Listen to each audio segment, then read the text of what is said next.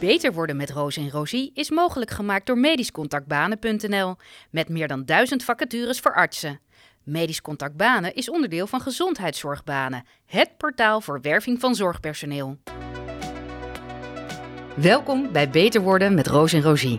Ik ben Roos van Graas. En ik ben Sietske Rosie. Al jarenlang voeren we gesprekken over zorg, HR en leiderschap. Binnen ons vakgebied, maar ook met elkaar. En het verbaast ons dat HR en leiderschap zo onderbelicht zijn in de zorg.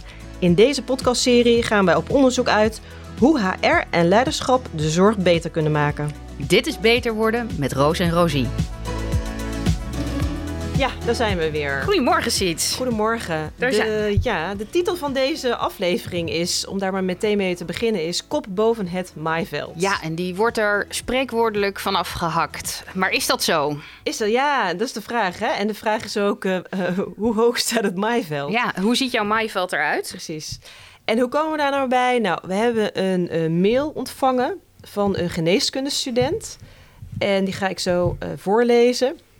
En die gaat eigenlijk over dat maaiveld en of je al dan niet je kop daar bovenuit moet steken en wat er allemaal nodig is. En zij zegt: uh, Beste Sietske en Roos, om toegelaten te worden tot de studie geneeskunde moest ik een uitgebreide selectie door, want uh, de loting is afgeschaft. En nu zie ik in het derde jaar van mijn studie al veel medestudenten allerlei extra dingen doen om hun cv te pimpen. Zoals promotieonderzoek, bijbaantjes in het ziekenhuis, commissies, meekijken, stages. Ik zou graag gewoon ook naast mijn studie van mijn studententijd willen genieten. Zeker na deze coronaperiode, waarin de sociale contacten toch al minder waren. En je studeert tenslotte maar één keer, in principe. Maar deze cv-building wordt wel beloond met opleidingsplaatsen in het specialisme dat deze studenten ambiëren. Ik heb hier door de hele tijd het gevoel dat we met elkaar moeten concurreren. Is dit altijd zo geweest? Moet ik hierin mee of is er een andere manier om de opleidingsplaats van mijn voorkeur te bemachtigen? Ik had deze prestatiecultuur niet zien aankomen toen ik aan deze studie begon en het voelt niet goed om op deze manier mijn studententijd te gebruiken. Ik vind de studie daardoor minder leuk. En is het wel zo eerlijk en gaat het niet om je natuurlijke talenten ook? Dank alvast voor jullie reflectie hierop. Goeie brief. Ja, goeie nou, brief. Uitgebreid en, uh, veel en in... dingen om op in te haken. Ja, want uh, even om gelijk maar uh, de, een één vraag te, be te, beantwoorden, die stel ik dan even aan jou, Siets. Mm -hmm. Is dat inderdaad al, is dat altijd al zo ja, geweest? ik voel me ook echt meteen. Ik ben inderdaad een andere generatie. Nee, dat is. Nee, dus voor mijn gevoel is dit echt niet zo geweest. Het is natuurlijk iets waar je meer over hoort de laatste tijd. Wat heel actueel is, bijvoorbeeld dat ze in de vuur de cum laude hebben afgeschaft. En dat ook de masterstudenten geneeskunde al een tijdje geen cijfers krijgen. Om de, de het prestatiecultuur er wat meer uit te ja, krijgen. Ja, ja, ja. Dus het antwoord is nee. Dus dat is niet altijd zo geweest naar mijn beleving. Ja, oké. Okay. Wat je denk ik ziet, wat ze zegt een aantal dingen. Dus uh, één is, ze wil van de studententijd uh, genieten. Mm -hmm. uh, je studeert tenslotte maar één keer. Maar wel lang. Roos. Dus ja. uh, de geneeskunde is natuurlijk bij, bij uitstek een studententijd die redelijk lang uh, duurt. En wat, en wat doe je daar inderdaad mee? Ja. Uh, wat, wat zij zegt is eigenlijk dat ze nu al in een soort van red race mee moet, uh, waar ze eigenlijk niet zoveel zin in uh, heeft. Lees ik zo, nou niet tussen de regels door, dat zegt ze eigenlijk vrij, ja, vrij letterlijk. Ja, ja. En ook dat ze het niet zag aankomen. En dat vind ik op zich best wel interessant. Mhm. Mm -hmm. Want ze he heeft dus al een uitgebreide selectie ja. moeten doorstaan of doorgemaakt om uiteindelijk binnen de studie ja. toegelaten te worden. En nou bieden resultaten uit het verleden geen garanties voor de toekomst, maar het is vaak wel een goede indicator. Uh, ja, ja, daar kunnen we ook een heel, heel verhaal over opzetten. Want als je kijkt naar, we hebben het over de decentrale selectie. En uh, in mijn tijd, zoals ze dat zeggen, ik ben van het jaar van Meike Vernooy. En uh, mensen van mijn generatie kennen het nog. En Meike is er. Ken was, ik was, ook, was zij degene die toen... Zelfs jij kent het verhaal, ja? Nou ja, ik, tijdens mijn middelbare studie is zij niet gaan procederen... omdat ja, zij ja, ja, ja, zo vaak uitgenodigd uh, was. En het leuke is, uiteindelijk heb ik ook met haar... Uh, dus ik ken haar, en, want ze is radioloog. Dus ik heb met haar ook samengewerkt in het Erasmus MC... toen ik daar wetenschappelijk onderzoek deed. Deden we allebei voor de neurologie namelijk. En zij is inmiddels ook professor neuroradiologie. Ja. En ehm, zij had inderdaad een heel hoog uh, VWO-cijfer gemiddelde. En zij is gaan procederen inderdaad. En dat is in, want wij deden eindexamen in uh, 96. En ik ben toen naar België gegaan, naar Leuven. Dus ik was ook uitgeloot. Dus ze zaten daar met toen 250 Nederlanders in het eerste jaar geneeskunde van Leuven. Dat was nog net het jaar voor de toelatingsexamens in, uh, in België. En zij heeft inderdaad, zij is uiteindelijk heeft zij geneeskunde gewoon in Rotterdam gedaan. En ook mede door haar is toen bedacht van iedereen met 8 en hoger uh, VWO-eindcijfer gemiddelde uh, mag gewoon instromen, dus hoeft niet meer te loten. Nou moet ik zeggen dat ik daar ook eigenlijk niks aan had gehad. Niet dat het een prestatie... om de prestatiecultuur al gewoon goed nee, even. Maar ik heb wel mensen uit Leuven zien vertrekken. Ik heb drie jaar in Leuven gestudeerd en ook jaren gehaald, uh, mensen. Maar uh, ik heb wel mensen zien vertrekken uit Leuven omdat ze die acht hadden. En toen ineens dus het jaar daarna aan de slag konden omdat die loting daar afging. Ik ben uiteindelijk ingelood en ingestroomd in Utrecht. Nou ja, eh, lang verhaal kort. Toen uh, met de sneltreinvaart het afgemaakt hier. En dan moet ik zeggen dat in België heb je dus in die prestatiecultuur... want nu is een, in, in de VU is de cum laude afgeschaft. Maar België heb je dan hoog, gewoon... je kan gewoon je jaar halen, maar je hebt hoge onderscheiding en hoogste onderscheiding. En volgens mij zit dat ook nog iets boven. Ja. Uh, dus, dus aller, daar... aller, ja, aller, allerhoogste onderscheiding. Ja, nou, die, die, je hoort het al, die heb ik niet gehaald. Maar, uh... Vrij letterlijke vertaling is van cum laude. Hè? Dus... Ja. In het Latijns. Nee, uh... Potjes Latijns. Dus ik weet inderdaad, die decentrale selectie, want ze hebben het loter dus al helemaal afgeschaft in Nederland een aantal jaar geleden. Maar die decentrale selectie is per faculteit anders, wat je daarvoor moet doen. En er was laatst een, uh, een traumachirurg op LinkedIn die zei, ja, ik, ik had een, een, een, een kennis en die hadden een kind en die ging geneeskunde studeren of dat ambieerden ze. En toen heb ik gezegd, nou joh, je hoeft er allemaal niet zo... Uh, maar die moest dus 14 artikelen over hartfalen, 14 artikelen over hartfalen voorbereiden. Ik weet niet welke faculteit dit was. Maar als je dus hoort wat je er allemaal voor moet doen. En dan was ik nooit dokter geworden, dat kan ik je wel verklappen. Dus, uh, uh, en ik heb zelf ook voor een, uh, voor een geneeskunde, of iemand die geneeskunde wilde gaan studeren. Waarvan ik ook dacht van ja, zij heeft niet het profiel van het geëikte verhaal van ouders die een uh, prepcursus, want je hebt prepcursussen ook ervoor. Voor een aantal duizenden euro's kan je geprept worden voor de decentrale selectie. Ik heb ooit ook een aanbevelingsbrief voor zo iemand geschreven, die waarvan ik dacht, ja, dit wordt een hele goede dokter, dat weet ik zeker. En zij zegt ook, ja, dat heeft echt geholpen. Dus het is een beetje een gekke, gekke toestand geworden. En verschillend dus. Ja. Nou snap ik dat decentrale selectie, dat betekent dat je bij een faculteit aan de, ja. uh, de slag gaat. Maar je zou toch uh, zeggen dat het belangrijk is om in elk geval de criteria uh, hetzelfde te maken. Zodat iedereen een ja. soort van op, aan, aan nee, dezelfde startlijn staat. Nee, dat is niet zo. En uh, ook de ene faculteit, bijvoorbeeld Rotterdam, die heeft dan een soort, uh, ik, ik noem het maar even de anti-hufter-test, want zo is hij ooit heb ik hem ook zo voorbij zien komen. Uh, ik, ik weet ook, wat betekent anti-hufter? Ja, dat je dus niet een of andere hork moet zijn. Ja. En hoe, uh, en hoe toetsen ze dat? Ja, met, met, met vragen. Ik weet dat ze in België hebben ze ook nu een, een twee... Dus en een inhoudelijke toets. Daar, daar is ook dan scheikunde nog heel belangrijk en biologie en zo. Maar ook een psychologische toets.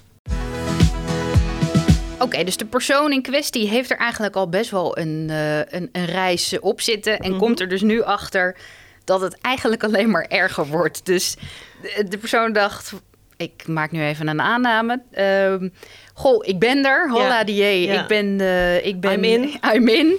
En dan, en dan begint de pret pas. Ja, ja, ja precies. Alsof het weer all over uh, begint opnieuw. Nou, om, om gelijk misschien maar een illusie uit de wereld te helpen. Uh, veel minder presteren dan dit zal het in, het in de rest van het leven niet worden. Nee. Nou, voor zover mijn cynische inborst. Maar ja, dat is natuurlijk wel een beetje zo. Maar goed, het is naar mijn idee niet altijd zo geweest. Het feit dat ze bijvoorbeeld dus recent cum laude hebben afgeschaft bij de VU... vind ik ook wel wat zeggen. En een iets anders wat momenteel ook speelt... hoorde ik uh, opleider chirurgie Marijn Howard laatst over, het UMCU... Die zei van ja, we gaan nu bewust ook mensen aannemen die juist niet gepromoveerd zijn. Want ze hadden er dan afgelopen jaren 79 AIOS heelkunde aangenomen, waarvan twee niet gepromoveerd. Waarvan een van die twee ging alsnog promoveren tijdens de opleiding, omdat diegene bang was dat hij anders niet een uh, plek in een vakgroep ergens zou kunnen krijgen. Want er is natuurlijk ook een jonge klare probleem. En terwijl natuurlijk in een perifeer centrum, wat geen STZ is, of dan wel of niet is, daar is nog niet eens de helft gepromoveerd. Hè. Dat blijkt ook nu een recente enquête loopbaanmonitor. Ongeveer 40% van de werkende specialisten is gepromoveerd. Dus om te eisen dat iedereen gepromoveerd is, vind ik ook nogal wat. Ja, en dan gaat het dus, dan komen we terug eigenlijk over hoe ziet dat maaiveld er voor jou uit? Wat is nodig voor het werk wat je uiteindelijk wil gaan doen? Want als je uiteindelijk totaal overgekwalificeerde of overopgeleide mensen mm. krijgt in een praktisch vak. Dus wat is er overgekwalificeerd? Want ik denk zelf dat bijvoorbeeld het feit dat ik een bijbaantje had uh, bij de V&D tijdens de laatste jaren van mijn VWO op de damesmodeafdeling, kan wel eens al zinvoller zijn dan een of ander uh, bijbaantje op een plek met wetenschap in een laboratorium tijdens mijn studie geneeskunde? Nou, ik bedoel met overgekwalificeerd. Eigenlijk had ik het over de, prom eh, de promovendi of als je, als je gaat promoveren. Omdat volgens mij, maar verbeter me als ik het mis heb, promoveren tot doel heeft om uiteindelijk onderzoek te blijven doen. Dat zou je denken. Dus als je uiteindelijk op een plek terechtkomt waarbij je die skills en die ervaring minder nodig hebt, onderzoek, eh, de echte onderzoekskills of echt heel erg uh, een hyperspecialisatie. Ja, dan noem ik dat overgekwalificeerd, omdat je ja. dat in principe niet nodig hebt. En dan overgekwalificeerd bedoel ik dus niet mee meer of beter, maar meer gewoon dat het niet past. Nee, niet de juiste competentie, zeg maar. Ja. Nou, ja, je, je voor van wetenschappelijk onderzoek doen leer je natuurlijk best wel veel. Maar wat bijvoorbeeld een heel concreet voorbeeld is dat je goed leert artikelen op waarde oordelen. En dat is ook handig als je gewoon als je, is voor iedere dokter handig. Ja, maar dat kan ook een vak zijn en dan hoef je niet ja, vier jaar uh, gemeenschapsgeld aan uh, te, te spenderen. Nee, er hoeft niet allerlei beurzen, aanvragen, subsidies. Nee, dat zou in principe. En het is ook soms wel zonde dat je inderdaad het puur doet omdat je dan dat vinkje hebt en vervolgens dan in het juiste bakje valt bij de uh, selectie voor de opleidingsplekken voor een bepaald specialisme. En wordt het uiteindelijk ook niet het deflatie van uh, ja, zeker. Uh, het promoveren als zodanig. Ja, het aantal proefschriften is ook bizar gestegen. Volgens mij is dat zelfs uh, sinds ik daarmee begonnen was met wetenschappelijk onderzoek, is het verdubbeld. Dus dat wil zeggen dat het de laatste 18 jaar verdubbeld is, zullen we maar zeggen. Dat is dus een deflatie. Tenminste, in de medische wereld heb ik het dan over. Laten we even teruggaan naar de anamnese en de klachten. Volgens mij zijn die samen te vatten als ik moet een bepaalde richting in om later ergens bij te horen. En ik moet me mm. bezighouden met uh, cv-beelden, met allerlei vakspecifieke of toekomstspecifieke uh, bijbanen waarvan er verwacht wordt dat ik die nodig heb of dat ik daar ervaring mee heb. Maar ik wil ook gewoon leuke dingen doen. Ik wil genieten van mijn studententijd. Ja. Dat is de klacht. Ja. En dan de diagnose die daarbij zou kunnen horen is... zonder een top-cv kom je niet in de opleiding die je ambieert. Ja, Oké. Of ik het nou mee eens ben. Uh, en wat is een top CV? Maar goed, hier gaan we het over hebben. Uh, Roos, uh, CV-building, is dat een vies woord? Nee, op zich niet. Maar voor mij is het altijd belangrijk met welke intentie doe je het? Is het een doel of is het een gevolg van, van iets? Ik heb best wel veel dingen naast mijn studie gedaan waarvan je achteraf kan zeggen dat zou CV-building kunnen zijn.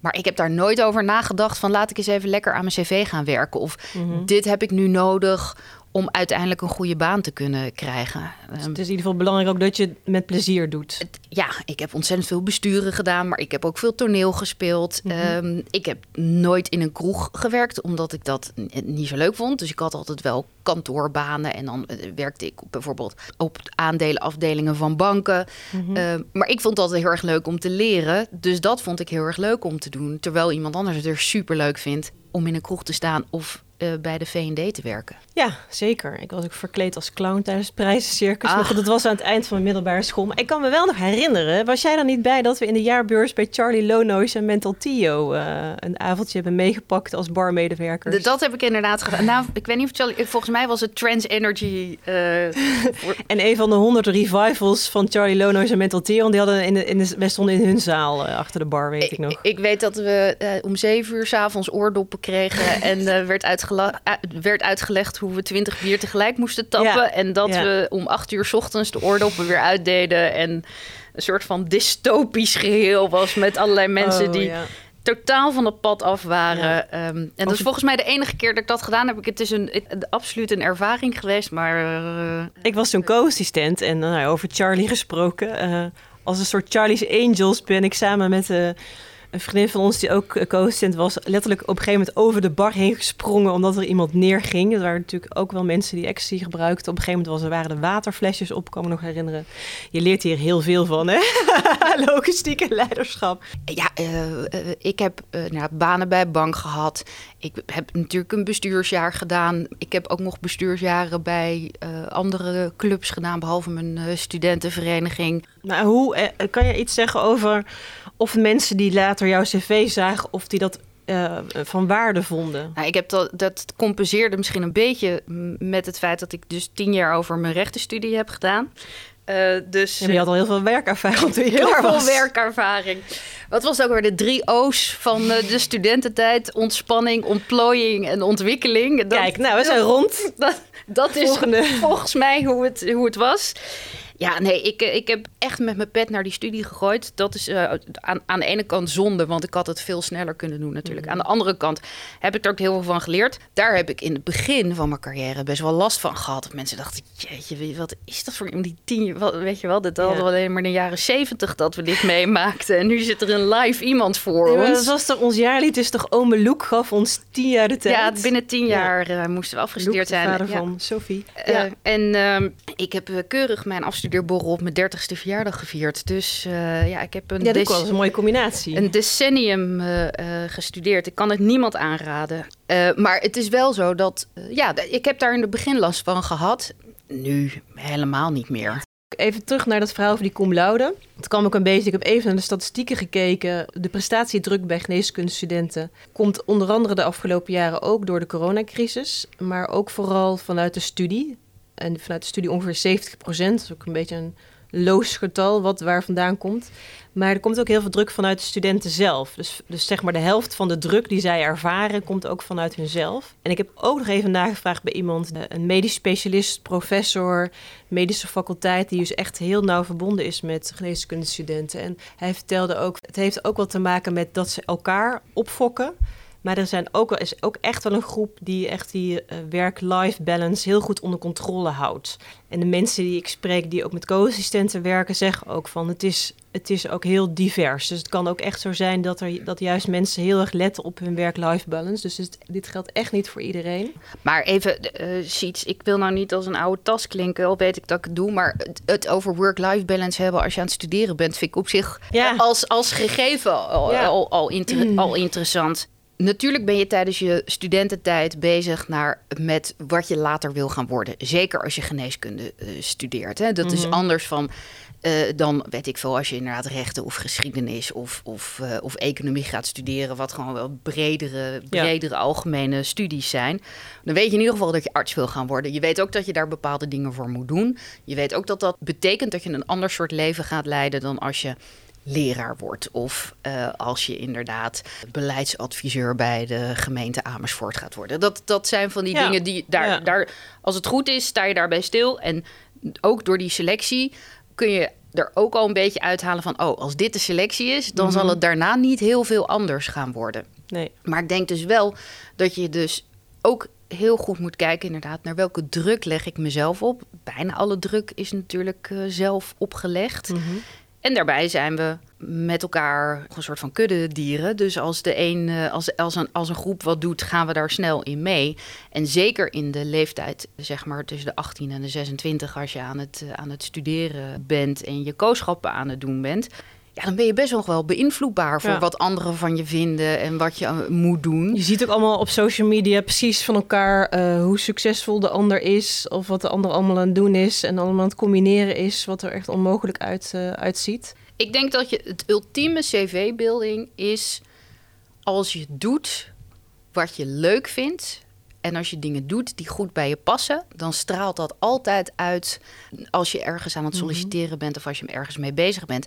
Dat maakt het niet noodzakelijkerwijs de makkelijkste of de kortste weg. De ladder of het carrièrepad, ja, dat is eigenlijk één grote weerwar eigenlijk. Hè? Het is niet echt een, een, een ladder. Alleen zo wordt het natuurlijk wel vaak ja, gezien van... oké, okay, je moet elke keer een treetje omhoog en niet opzij, maar omhoog. Ja, ook wat, uh, wat ambieer je op de lange termijn, wat ambieer je op, je op de middellange termijn en op de korte termijn. En hoe, in hoeverre je bezig bent met lang, middellang of kort, heeft erg met je karakter en je persoonlijkheid te maken. Maar dus inderdaad ook met uh, wat je uh, leuk vindt en, en waar je voor gekozen hebt. Dus intrinsiek voor, als je de keuze maakt voor geneeskunde, maak je een keuze voor de lange termijn. Uh, dat is anders dan ik, die, die uh, rechten heb mm -hmm. gestudeerd. En dat je denkt, nou ja, uh, ik weet het eigenlijk niet. Ik ga wel rechten doen, ik zie het wel. Dat is een hele korte termijn ja, ja. keuze. Bre brede. Nou, de rest van onze generatie ging psychologie studeren, toch? Als ja, maar ja, dat, dat, twee, dat, nou, daar, daar vond ik iets van. Dus dat heb ik niet gedaan. Maar, en ik kon ook geen statistiek. Dus dat, oh, dat, is, dat is ook iets. Maar bijvoorbeeld wat bijvoorbeeld heel erg triggerde bij mensen op mijn cv... was dat ik zoveel aan theater en kleinkunst had gedaan. Hmm. Want dat was iets wat mensen ja, minder vaak zagen. Dus dan was het, oh, ja. wat interessant, okay. vertel me ja. daar meer over. En dat is iets wat heel erg bij mij past. Ja. Dus cv-beelden is voor mij iets waarvan een ander kan denken... hey, dat is interessant, daar zou ik meer over willen weten. En dat kan dus inderdaad zijn... nou ja, uh, dat jij veel met vrijwilligerswerk hebt gedaan... of dat je, dat je iets anders doet waar je, waar je passie ligt. Dus je moet wel je hobby's op je cv zetten, zeg je? Of alleen je... Ja, absoluut. Ja. Je, maar ook bepaalde karakteristieken. Dus ik ben niet de meest serieuze persoon. Dus ik heb daar ook gewoon als relativeringsvermogen uh, als uh, mm -hmm. karakteristiek op mijn cv staan. Want dat zegt iets over hoe ik in mijn werk ja. sta. Ja. Ik zal niet zozeer gedrevenheid op mijn cv zetten. Uh, niet omdat ik dat niet ben, maar ik denk niet dat het mij dat het dat je dat, jij kent mij goed. Om... ik weet, zou jij mij als gedreven uh, omschrijven? Nou, als je ergens voor gemotiveerd bent, dan uh, lever je ook wel. Ja, maar ik... ik ja, is ik, dat gedreven? Ik, ik, ik, ik, heb ambitieus bijvoorbeeld staan. Dat oh, vind, ja. ik, vind, ik een betere, vind ik een betere beschrijving Wordt ook van... vaak gezien als een vies woord. Ja, nou, vind, nee, vind, ja, ja. Maar iedereen vindt alles een vies woord. Er is, je moet je altijd wel ergens voor schamen. Ja. En alles is voor iemand wel een vies woord. Er is nu ook gymnasiumschaamte. Heb oh, je ja? dat al gehoord? Ja. Oh, ik ben Roos en ik heb gymnasium gedaan. nee, dat je het even weet. Dat je het even weet. Ga okay. je schamen. Ja. ja. Nee, dat bestaat ook al. Dus doe iets wat je, wat je leuk vindt. Maar hoe zat dat bij jouw cv dan? Heb jij iets op je cv staan waarvan je denkt... ja, dat staat er bij mij op en bij weinig andere mensen? Nou, er zit ook een beetje van hoe ziet het maaiveld eruit. Ik heb dus promotieonderzoek gedaan vier jaar... en ik heb geen proefschrift afgeleverd. Want ik vind het superleuk om onderzoek te doen... en met mensen samen te werken die ook andere dingen kunnen. Dus ik heb veel samengewerkt met mensen die uh, programmeur waren. Dat was eigenlijk het pre-stadium van de AI waar we mee bezig waren. Dat waren ook mensen uit het buitenland die hadden daar gaming gestudeerd. Dus ja. ik kon ook goed programmeren. Dat vond ik leuk, maar ik was niet iemand die, tien keer, die het leuk vond om tien keer zeg maar, het artikel wat je teruggestuurd kreeg uh, te, te revisen om het nog een keer in te sturen. Dus ik heb geen proefschrift, maar wel vier jaar onderzoek gedaan. Dus toen had ik het gevoel van dat moet ik compenseren. Dus toen ben ik tijdens mijn opleiding radiologie ben ik dat gaan compenseren, maar ook met dingen die op mijn pad kwamen die ik heel leuk vind alles onder de noemer van medisch leiderschap en disciplineoverstijgend ja. onderwijs. Ja, maar jij zegt dat vond ik niet zo lekker. Ik vond mijn studie ook echt een drama. Anders had ik er natuurlijk geen tien jaar over gedaan. Maar ik weet nog wel dat jij alleen maar zat van... ik heb nu weer anderhalve dag... wat was het? Uh, cirkeltjes, contourtjes, contourtjes om plak... Uh, manual annotations, ja, zijn super belangrijk. Ja. Dat is, dat is de, de basis voor trainen van... Uh, of de, de, trainingsset van data voor AI. Maar daar werd jij toch ook helemaal gek van? Ja, dat, natuurlijk. Daar word je op een gegeven moment helemaal simpel van. Dat is echt uh, lopen de bandwerk. En dan nog hoor, want als ik het iemand anders ging uitleggen... dan maakte die van een rondvat een vierkant. Natuurlijk ook omdat het ook diegene het ook niet zo leuk vond. Nee, natuurlijk. Alleen ik heb daar wel ook wel van geleerd van... oké, hoe is wetenschappelijk onderzoek doen? Hoe zit het hele wereldje in elkaar? Ik vond het wel heel leuk om naar internationale congressen te gaan... en daar verhalen te houden. Uh, dus je neemt daar wel wat van mee. Dus dan zeggen mensen, ja, is echt zonde. Is echt vier jaar weggegooid, want je hebt geen proefschrift. Ja, zo zie ik het niet. Nou, en je weet dus ook... Je weet dus ook hoe je presteert als je het echt niet naar je zin hebt. Ja. Uh, weet je, als je echt in een, in een hoek zit waarvan je denkt van... oh, ik moet hier uit. Als je met lood in je schoenen of, of iets weet je, dan, mm-hmm. dan weet je dus hoe ga ik daarmee om. En dat helpt je ook heel erg in de toekomst. Van heb ik dan bepaalde copingmechanismen die intreden? Word ik heel zagrijnig? Word ik timide? En dat zijn allemaal van die, van die triggers mm-hmm. waarvan je later in je carrière ze kan herkennen, bijvoorbeeld. Van oh ja. ja. ik heb nu dit gevoel, dat had ik toen ook. Ik moet nu actie ondernemen, ja. want dit is niet oké. Okay. Weet je wel, dat, uh, ja, zeker. dat zijn van die bepaalde Uh, jij, jij zei net even buiten de opname om je moet elke fout een keer gemaakt hebben. Ik weet niet of ik het noodzakelijkerwijs daarmee eens ben. Zeker, zeker bij een arts. Maar het is wel goed om het een keer echt niet leuk te hebben. Weet je, als ik mensen interview voor een, een, een baan, dan vraag ik ook al. Ik vraag altijd van waar ben je het meest trots op in je carrière, maar ook wat is de, wat is je, wat is je hardste les geweest? Weet je wel, wanneer, wanneer zat je mhm. echt een keertje in de put? A, om, om te kijken van wat is de reactie van mensen op zo'n zo'n vraag. Hebben ze zelf inzicht en een beetje dat zelfonderzoekend vermogen om daarmee om te gaan. Wat hebben ze ermee gedaan? Maar ook inderdaad van waar komen ze, waar komen ze mee? En, en dat geeft mij een heel goed beeld van hoe iemand omgaat bijvoorbeeld met druk. Uh, of als het een keertje niet zo lekker gaat. Of oh, als, dat, als iemand zegt van ja, ik, ik weet ik veel, ik zat in een, het was een hele chaotische situatie en uh, daar kon ik heel lastig mee omgaan. Ja, als ik voor een hele chaotische baan aan het, aan het recruiten ben, dan wil ik dus, ja, dan vraag ik me af of die persoon daar gelukkig gaat, gaat worden. Dus het, het niet zo leuk hebben is absoluut een hele goede les. Is het dan ook zo, want we, geneeskundestudenten die uh, zijn misschien opgevoed door, uh, door ouders die uh, stonden te applaudisseren, de, keur, de alom bekende curlingouders. moeten we die nog wat verantwoordelijkheid meegeven of met de vinger wijzen? Maar ik denk in, in zijn algemeenheid kijken naar wat je kind leuk vindt. En ook je, je kind leren dat er meer is dan presteren.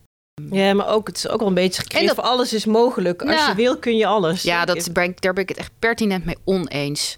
Uh, want dat betekent dus ook dat als iets niet lukt, het ook altijd je, je eigen schuld is. Terwijl ik van mening ben dat, mhm. dat je maar voor een heel klein deel je leven echt kan beïnvloeden. En als je denkt, geluk. En, en het is, er komt echt een portie geluk bij kijken. Ook. Mazzel, ja. Zo, ja. mazzel. Uh, nou, alleen al mazzel dat wij uh, hier in dit land zijn uh, mm geboren. En dat we zijn geboren met de, met de hersenen die wij hebben. En dat we gezond zijn. En dat we geen grote problemen tijdens onze jeugd... Ja, geen oorlog... Ehm. Precies. Dus ik vind, ik vind dat... Het is helemaal goed dat niet iedereen alles kan.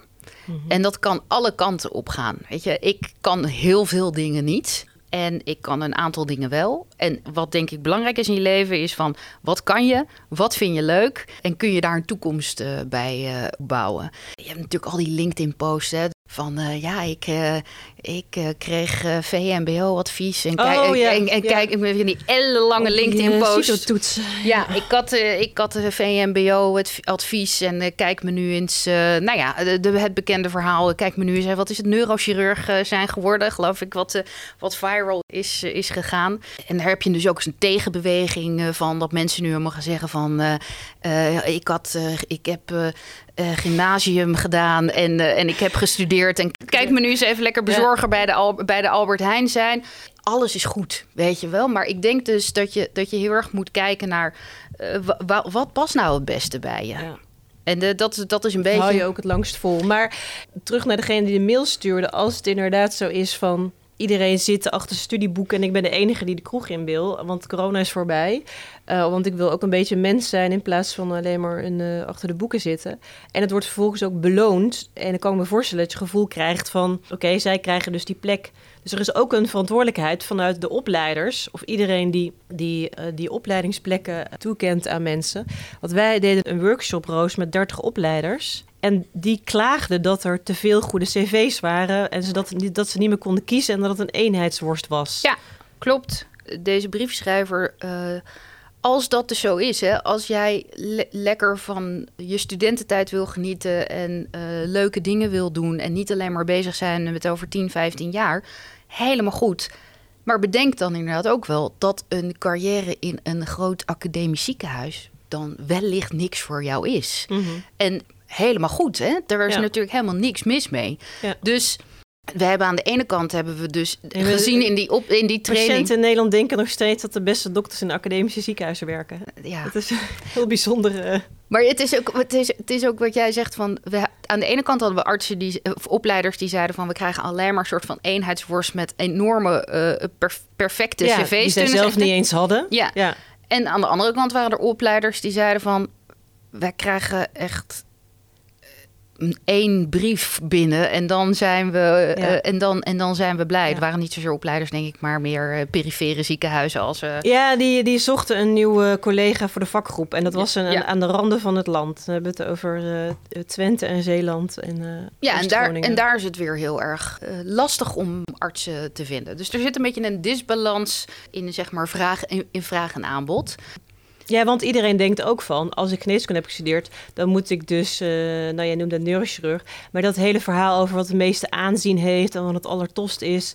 Terwijl ik denk, ja, het is helemaal niet tof als je bij nacht en ontij de hele tijd moet gaan staan opereren en nooit eens bij de verjaardag van je kinderen bent. Ik chargeer even. Dus het is, het is ook nog zo dat we natuurlijk überhaupt die witte jas. Hè? Want heel veel dokters hebben nooit een witte jas aan als ze eenmaal een studie hebben afgerond. En wat ook, dat ook helemaal dikke, dikke goed en helemaal dikke prima is. Daar is niks minder aan dan als je binnen de muren van het ziekenhuis werkt. Maar dat framen we dus wel nog zo. Dus als terug naar de brievenschrijfster, ja, die blijkbaar is het dus zo van misschien ook bij mensen die geneeskunde gaan studeren en misschien moet daar aan de poort dus bij die selectie al iets aan gedaan worden. Dat we moeten zeggen van luister eens, hartstikke leuk dat je geneeskunde wil gaan studeren.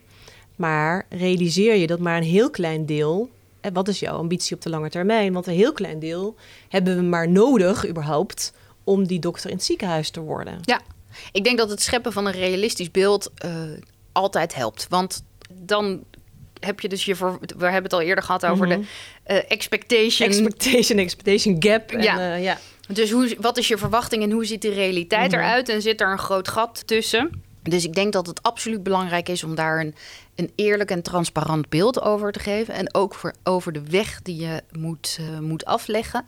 Dus dat, dat is heel erg uh, belangrijk. En ook denk ik dat de dokters die geen witte jas aan hebben. of niet standaard met een stethoscoop om hun nek uh, heen, heen lopen. dat er ook erkenning voor is en waardering. Ja. Um, ik weet niet of je een hele gave tv-serie zou kunnen maken over een nou ja, huisartsenpraktijk. In de jaren tachtig kon het nog, zeggen ze A. Maar, oh, ja. uh, nee, maar ik, ik, weet je, dat, is, dat, dat heeft daar ook mee te maken. We, we zijn natuurlijk allemaal uh, opgegroeid met give me two bags of oh neck, weet je wel.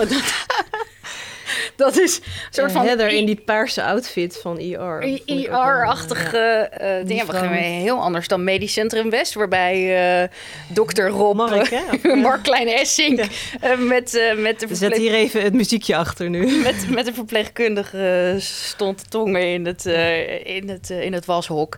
Weet je, ja, dat, ik denk dat... Ik denk dat dus dat is een beetje geromantiseerd.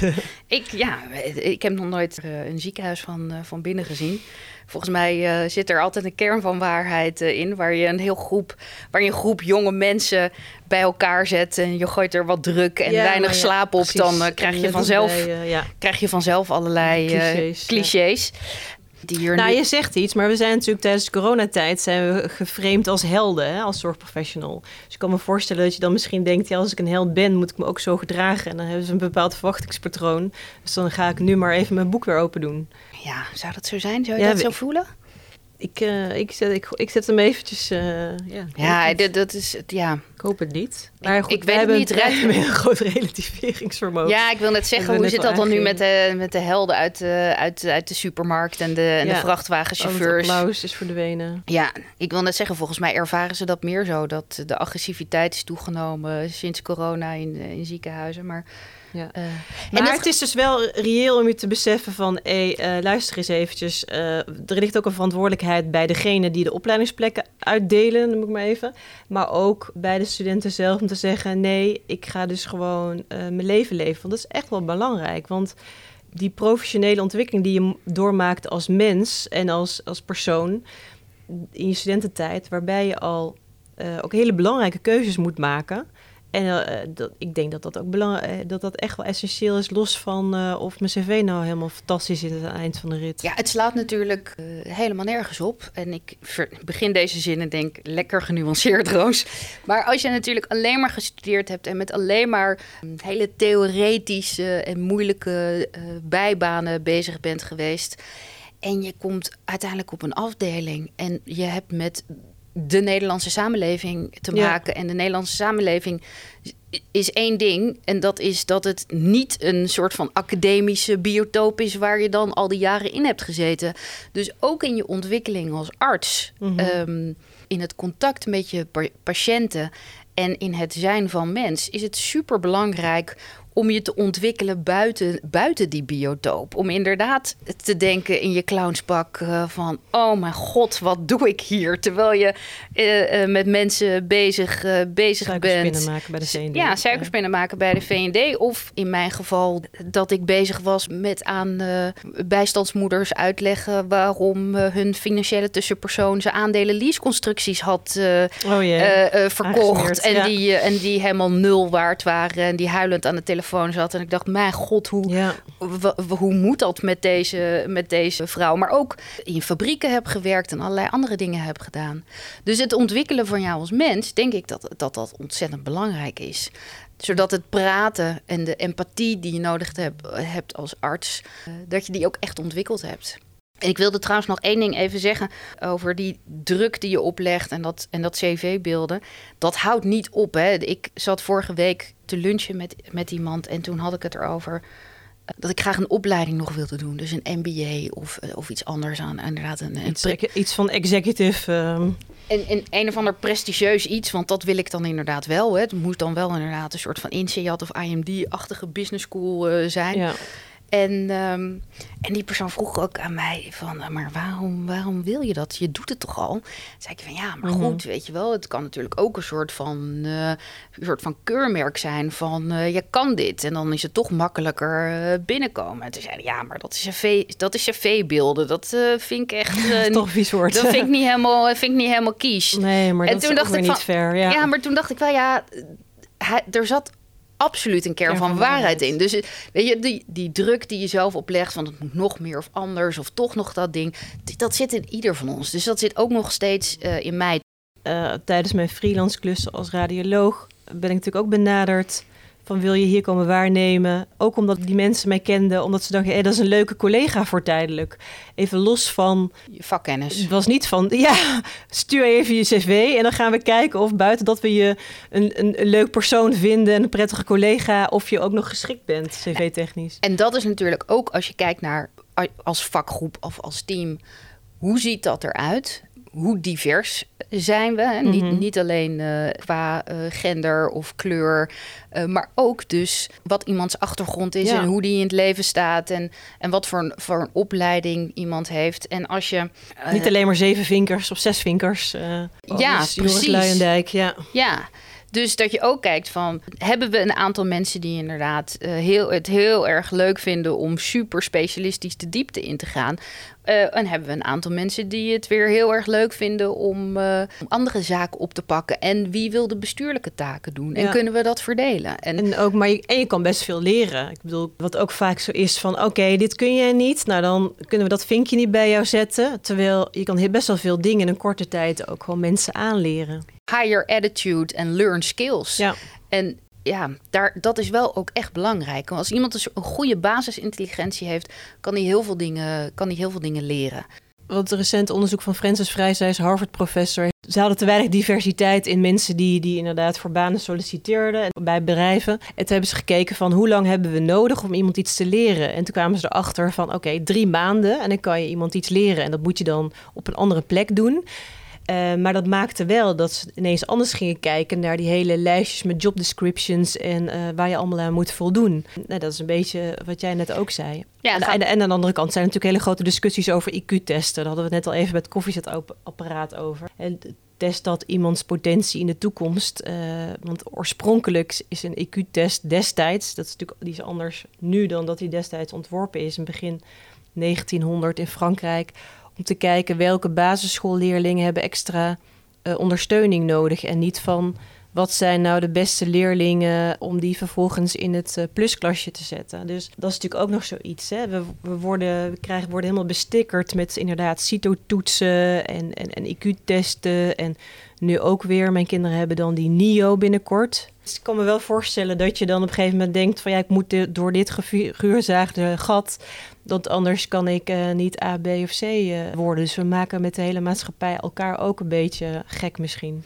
Ja, er zit heel veel controle uh, in. En dat, dat gaat van leerlingen, volgsystemen tot aan, mm -hmm. nou ja, noem het allemaal maar op, om bepaalde risico's uit te sluiten. Maar daardoor uh, komt iedereen steeds meer een beetje in datzelfde malletje uh, ja, terecht. Ja, dat, ja. En, en komt, komt iedereen steeds meer, ja, steeds meer een beetje eenheidsworst. Terwijl aan de andere kant we juist zeggen van diverse teams presteren beter, ja. maken minder fouten. In het bedrijfsleven maken, zijn ze uh, innovatiever, zijn meer winstgevend.